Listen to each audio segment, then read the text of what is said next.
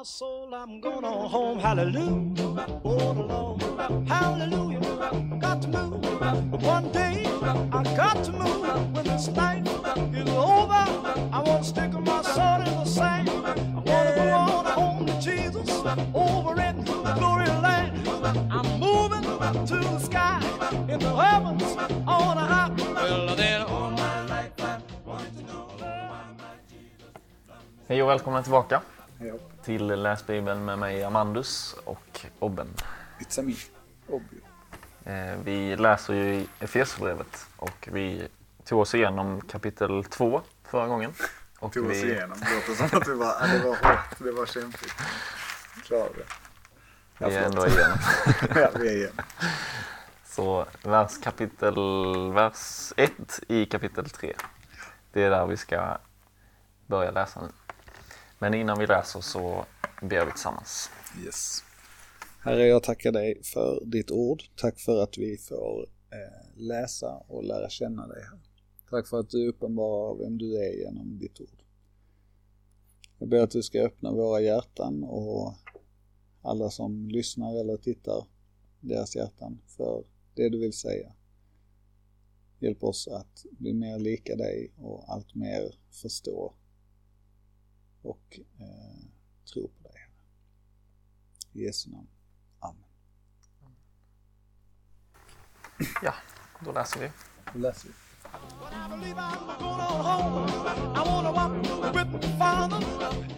Ja, då har vi läst in i kapitel 3. Obben, vill du börja? Absolut. Eh, det är lite, eh, jag tänkte på det vi pratade om förra gången, pratade vi mycket om hur eh, judarna och hedningarna liksom Mm. eh, är så här. Så ser inte poddlyssnarna att jag sätter ihop mina händer Mm. som en enhet. Eh, men och nu är ju att eh, min rubrik i alla fall är hedningarna i medarvingar och det, så det blir liksom lite samma grej men Mm. eh, det är ändå, ändå nice. För att hedningarna är ju vi. Eh, och när man läser vidare här, först börjar ju Paulus med att eh, börja be men sen så skippar han det och hoppar till vers 14 innan han börjar be. Ja. att, så då kommer det bli en intermission och det är väl den vi kommer att prata om idag. Men eh,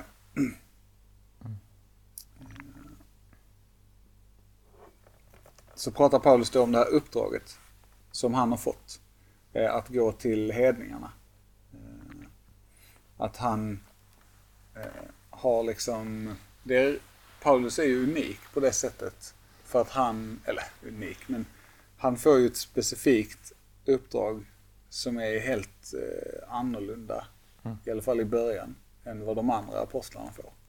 För att de 12, eller 11 är de ju då, och sen så väljer de in Mattias väl. Eh, men så blir de 12. De har ju det primära uppdraget att gå till Israel liksom. Eh, och Paulus, det, i alla fall upplever han det väldigt tydligt så. Mm. Eh, att han har fått uppdraget att vara den trettonde aposteln. Så tänker jag på den gamla filmen Den trettonde krigaren. Eh, men eh, Ingen aning om vad det är. Den trettonde aposteln liksom som går till, om man då ska ta det, den, de är 12 för 12 stammar i Israel. Sen så finns det en grupp till, människor till, det är hedningarna, icke-israeliterna. Och då behöver man en apostel till dem. Trots att de är typ 50 miljarder gånger Ja. fler. Men, jag tycker det är intressant, alltså han är, är- han är en häftig person av många sätt men också utifrån det och också för att Gud väljer ju eh, honom som är den mest judiska av judar Ja, på något sätt. precis. Alltså han skryter ju om, eller skryter, men han skriver ju om det. Och säger att om, om man kan skryta om liksom sin, eh, sin judenhet, eller vad man ska kalla det, så kan jag göra det mest av alla. Ja. Eh, och den personen tar Gud och bara säger, ja du får inte gå till judarna, du ska gå till de andra. Mm.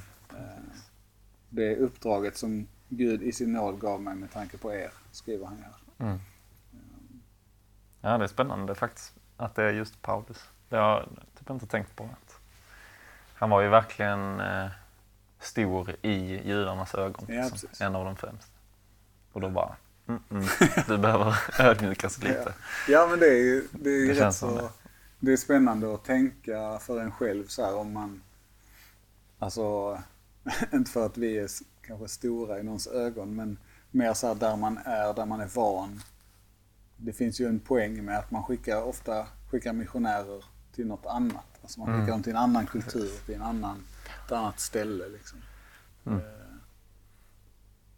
Så, för att man inte, då har man inget, man, du kan inte komma med någonting där. Eh, samma sätt Paulus, alla de grejerna som gjorde att han var pro och liksom upphöjd i det judiska samhället. Så kommer han till en grekisk stad och bara, jaha, Ja, precis. de skiter vilket. Liksom. Ja, men jag tänker att det kan vara en, en grej annars att om det är en person som redan är upphöjd och omtyckt så bara, Mm. ja men eh, det är klart att vi ska följa den här personen. Ja, och plötsligt blir personen som kommer med eh, evangeliet mycket Mm. viktigare än själva evangeliet. Ja. Så det är också en sån grej. Det är kanske därför också Gud väljer ut vissa små människor. Då. Ja. Det är ju återkommande genom Precis. hela, hela Bibeln Ja. också att Gud väljer ut den som han vill på något sätt. Mm. Ja. Det är ju hur många exempel som helst på det. Mose som inte var särskilt eh, pratglad. Han var inte så duktig på att snacka. Och Gud bara, du ska snacka inför hela Israels folk. Liksom. Du ska Ja. övertala farao att Ja. släppa mitt folk. Ja, det är ju, Gideon är ju min favorit. Största fegisen. Och sen så bara, ja du ska gå i krig mot den här armén. Så bara, nej du har för många. Men vi, de- är liksom, de är ju typ eh, en mot tre filisteer. Ja. Och då säger Gud bara, att, nej, det är för många. Så blir de en mot tusen eller något sånt. Och då, då är det lagom. Shit. Ja. Men det som händer är ju att man plötsligt släpper tilliten till en själv och Mm. det man själv vet att man kan på något Ja. sätt. Och istället bara, okej, Gud om detta är det du vill, så använd oss och eh, vi litar på att du, du kan göra det. Ja. Och man ser ju också det, tänker jag, att det blir ju omvälvande. Alltså, Paulus är ju ett exempel, Gideon också, men det blir ju omvälvande för den personen på något sätt så till den grad att man aldrig kan backa från det heller. Alltså Gideon står ju att när Israels folk, han var ju en stor fegis, han var rätt så ung när eh, de slogs mot midjaniterna, eller slogs och slogs, men eh, när Gud besegrade midjaniterna genom Gideon. Eh, och, och sen så står det att Israels folk höll sig till, till Herren Gud så länge han levde. Och de ville göra honom till kung och han vägrade. Det är liksom så här, han, det måste ju varit en... Eh, alltså han, den upplevelsen för honom och det han fick där på något sätt formade ju honom helt till att hålla ett helt folk på rätt väg hela sitt liv. Ja. Sen står det att hans söner, de ballade upp. Men- Och samma med Mose, liksom han, eller Paulus, hela livet förändras ju. Mm. Ja, verkligen. Ja, för Maria är ju också ett sånt exempel. Liksom, Ja. Där hela livet på något sätt måste tagit en väldigt stor vändning. När hon säger, när hon säger liksom, ske, ske med mig som det är sagt. Eller, Mm. Jag minns inte hur det men något sånt. Mm. Och hon ska liksom föda världens frälsare. Och så är hon bara förlovad med Josef. De är liksom inte gifta. Mm. Plötsligt blir hon gravid. Vad tänker liksom allmänheten om henne? Mm. Men hon gör det för att hon, hon litar på Gud. Mm. ja. Gud använder enkla människor. Dig och mig. Ja. Det är häftigt. Det här är också, alltså, här tycker jag är spännande, vers 4. Är ju, alltså, jag har så svårt, jag tycker det är svårt med Paulus, för att han ibland så är han ju den mest ödmjuka av alla, generellt sett. Men sen ibland så, och det är också frågan, är det liksom högmodigt eller är det bara så statements of fact? Ja. Men här är så här, när ni läser detta kan ni förstå vilken insikt jag har i Kristi hemlighet. Som att jag har jättemycket insikt i Kristi hemlighet. Eh, ja, Men antagligen har han ju det ja, det har han också. ju. Alltså, det är ju. Men det är så här, det är så svensk, den så här eh, Ja, jantelagssvensken i mig bara eh, ryser av Precis. eh, obehag typ. ja, och så kommer vi till vers 8 där han säger Jag, den allra minsta av alla heliga Ja. har fått denna nåd att predika evangeliet om Kristi ofattbara rikedom för hedningarna och att upplysa Ja. Alla om planen med den hemlighet som från evighet har varit dålig i Gud, allting skapar. Han, han menar ju ändå att han är eh, han är den minsta Ja, det av alla heliga. många gånger också. Men, Den största bland syndare. Ja. Och, sen i, och vid andra tillfällen tar han ju sig själv som exempel på någon som är god och Ja. Ödmjuk. Typ. ja, precis. Han sa ju ta mig som föredöme Ja. så som jag har Kristus som föredöme. Ja, precis. Alltså det är ju... Du skulle kunna säga det, Mandus. Nej, jag Jag känner bara... Eh, alltså wow. Ingen ska ta mig som föredöme. Nej. Men det är ju en... det- Alltså, ja. Det kanske också kan ta emot det, att eh, säga på andra sättet liksom. Jag är den, den minsta av alla heliga. Ja. Bara, alltså jag, jag behöver Jesus. Men jag Men inte lika mycket som han har kanske inte så mycket som vissa andra. Typ. Ja, ja, men det är ju på något sätt eh, liksom den gamla människans verklighet där. Att man, ja, Ja. man kan inte erkänna sitt totala beroende. Nej, precis. Och också liksom lagen på något sätt, att man tänker att man ändå har ganska mycket på det torra. Ja. Bara, men jag, jag kan Guds lag, eller jag vet vad det står i Bibeln, liksom. jag vet eh, vad jag gör. Jag håller inte på med detta och detta och detta och detta. Liksom. Det känns verkligen som, det känns ju som, eller det är det som är judarnas problem. Och det känns ju verkligen som att det är de kristnas problem på många håll också. Ja. Alltså också vårt, liksom att man, när man är uppvuxen i, i liksom tron och man, men speciellt kanske LM, vi är ju på något sätt kända för att vi kan jättemycket bibel och så här. Då, ja, det blir som att vi är de här skriftlärda på något sätt. Ja, eliten. Eliten, ja. ELM står inte för Eliten. elitmissioner. Just det. Elitistiskt läsande motion.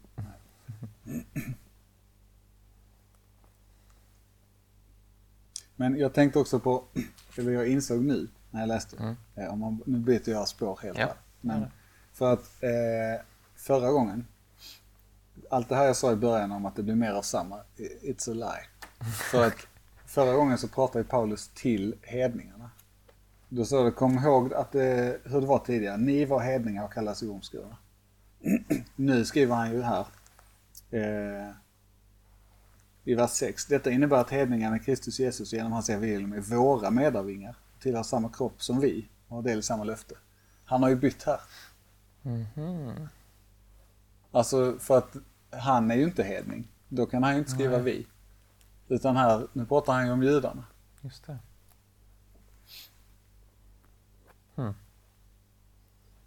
Och sen kommer liksom att han ska upplysa alla om hur den hemligheten förvaltas som från evighet varit dold i Gud allting skapar.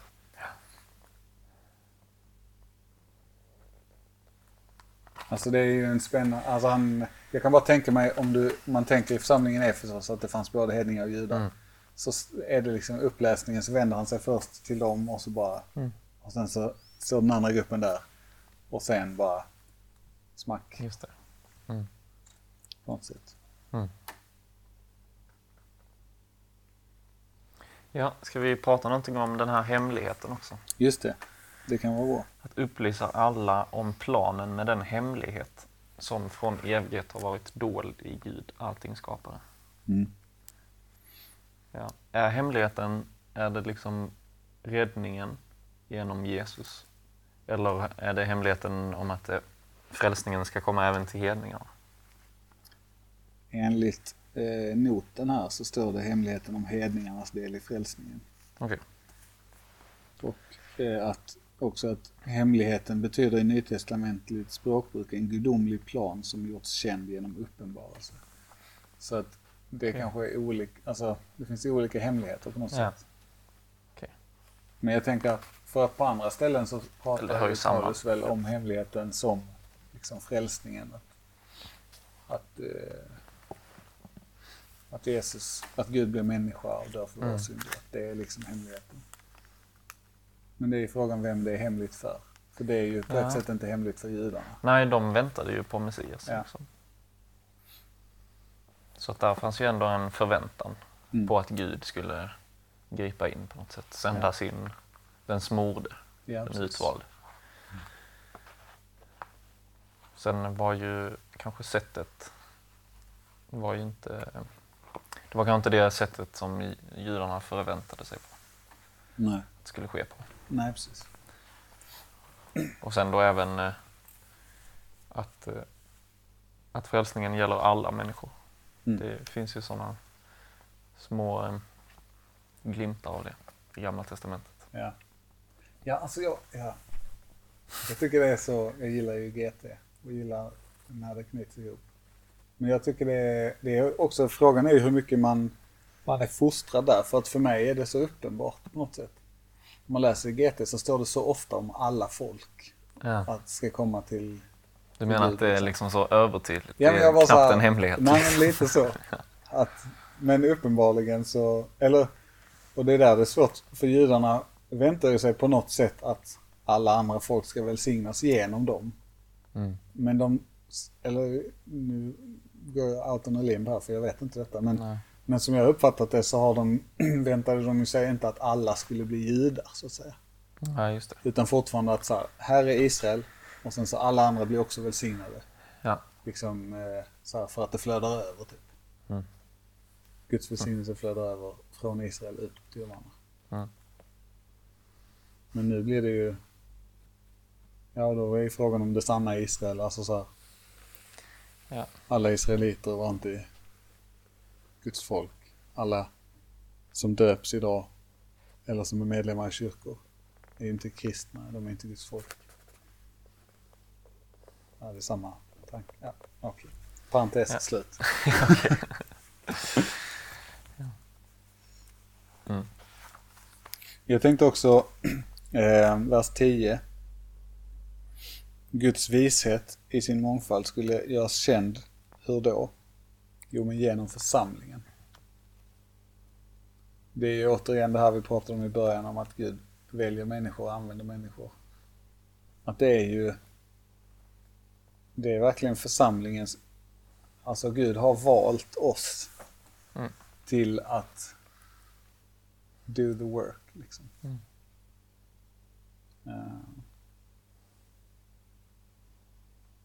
Men eh, vilka är de här härskarna och makterna i den himmelska världen? Ja. Här står det i min... Eh, står det att det kan betecknas såväl goda som onda änglar. Okej. Så församlingen har inte bara en roll i bland människor liksom, och samhället utan verkar också ha en roll i den andliga världen. Ja. Vad spännande. Och oklart, Ja, lite oklart. Men eh, det kanske inte är så konstigt heller. Alltså man kan ju inte bara, man kan inte skilja eh, det, det världsliga med det Nej. andliga bara. Det är två separata grejer. Det. Så det är rätt logiskt att om det finns en församling där man predikar evangelium, där man möter människor men där man också liksom ber Mm. mycket. Och det är klart, det måste göra skillnad även i, den, i det andliga kriget så att säga. Absolut. Ja. Ja, spännande formulering. Det känns som att Paulus ändå är... Det är inte sällan han pratar på det sättet. Mm. Om liksom en andlig verklighet Nej, som precis. För oss kanske är lite oklar. Ja. Men som för honom verkar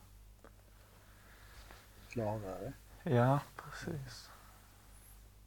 Och det kanske är också främmande för oss för att vi eh, lever i ett så sekulärt land. Mm. Ändå. Där man på många sätt kanske, många människor har en naturalistisk världsbild. Alltså att allting som finns och allting som händer har en naturlig förklaring, så en naturvetenskaplig förklaring. Det är ett klassiskt citat. Djävulens bästa trick är att övertyga världen om att Ja. han inte, själv inte finns. Mm. För då finns inte heller Gud. Precis. Men det är ju någonting som vi verkligen får, eh, får mm, förstå eller ha med oss som Mm. kristna. Att Mm. Det finns mer än bara människor att, att eh, tampas mot. Ja. Om man ska tampas mot människor. Men, precis. ja. Och vi måste ju också prata om, eh, nu drar vi nästan över tiden, okej. men eh, sista versen där också, vers 13. Mm. Därför ber jag er att inte tappa modet när jag får lida för er skull. Det är ju en ära för er. Mm. Vad, vad är liksom hans... eh, Please talk about it. ja.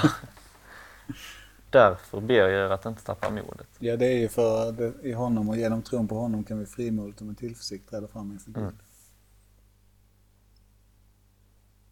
Där finns liksom ett... eh, Ja, det finns ju verkligen ett hopp där. En kraftkälla. Mm. Och också, ja det här då, att jag får lida för er skull.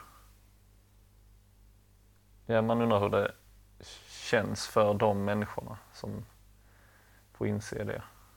Att Paulus på något sätt, eh, det är för deras skull han lider. Just det.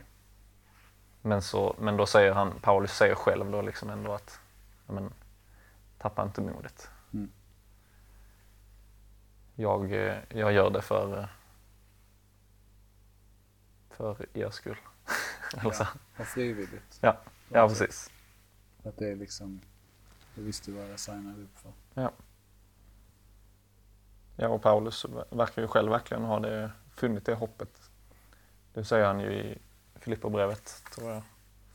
Att för honom är livet Kristus och döden en vinst. Mm. Det slits åt båda hållen. Och att han, han är kvar på jorden för att för han lever fortfarande för att han, han har just detta som uppdrag, att predika Ja. detta. Ja. Och om han skulle dö så, så gör det ingenting för att då vet han att han kommer komma hem till Kristus. Ja, han säger till och med att det hade varit mycket bättre.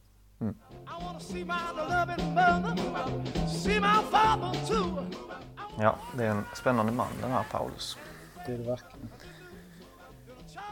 Ska vi eh, avsluta där? Låt oss. Tack för att ni har varit med och lyssnat. Återigen, jättekul. Eh, och har ni tankar och funderingar som dyker upp eller om ni läser i förväg och har frågor om texten som ni vill att vi ska prata om så hör jättegärna av er till oss. Ni har våra mejladresser och eh, kan också skriva till ELU på Instagram eller Facebook. Och om ni tycker att LU generellt sett gör bra grejer eller att detta är bra eller annat, så stötta gärna LU. På hemsidan så står det hur man gör. Och man kan ge en, eller liksom engångsgåvor, men det bästa för oss såklart är om man vill bli månadsgivare och ge en summa varje månad. Ha det fint! Hej då.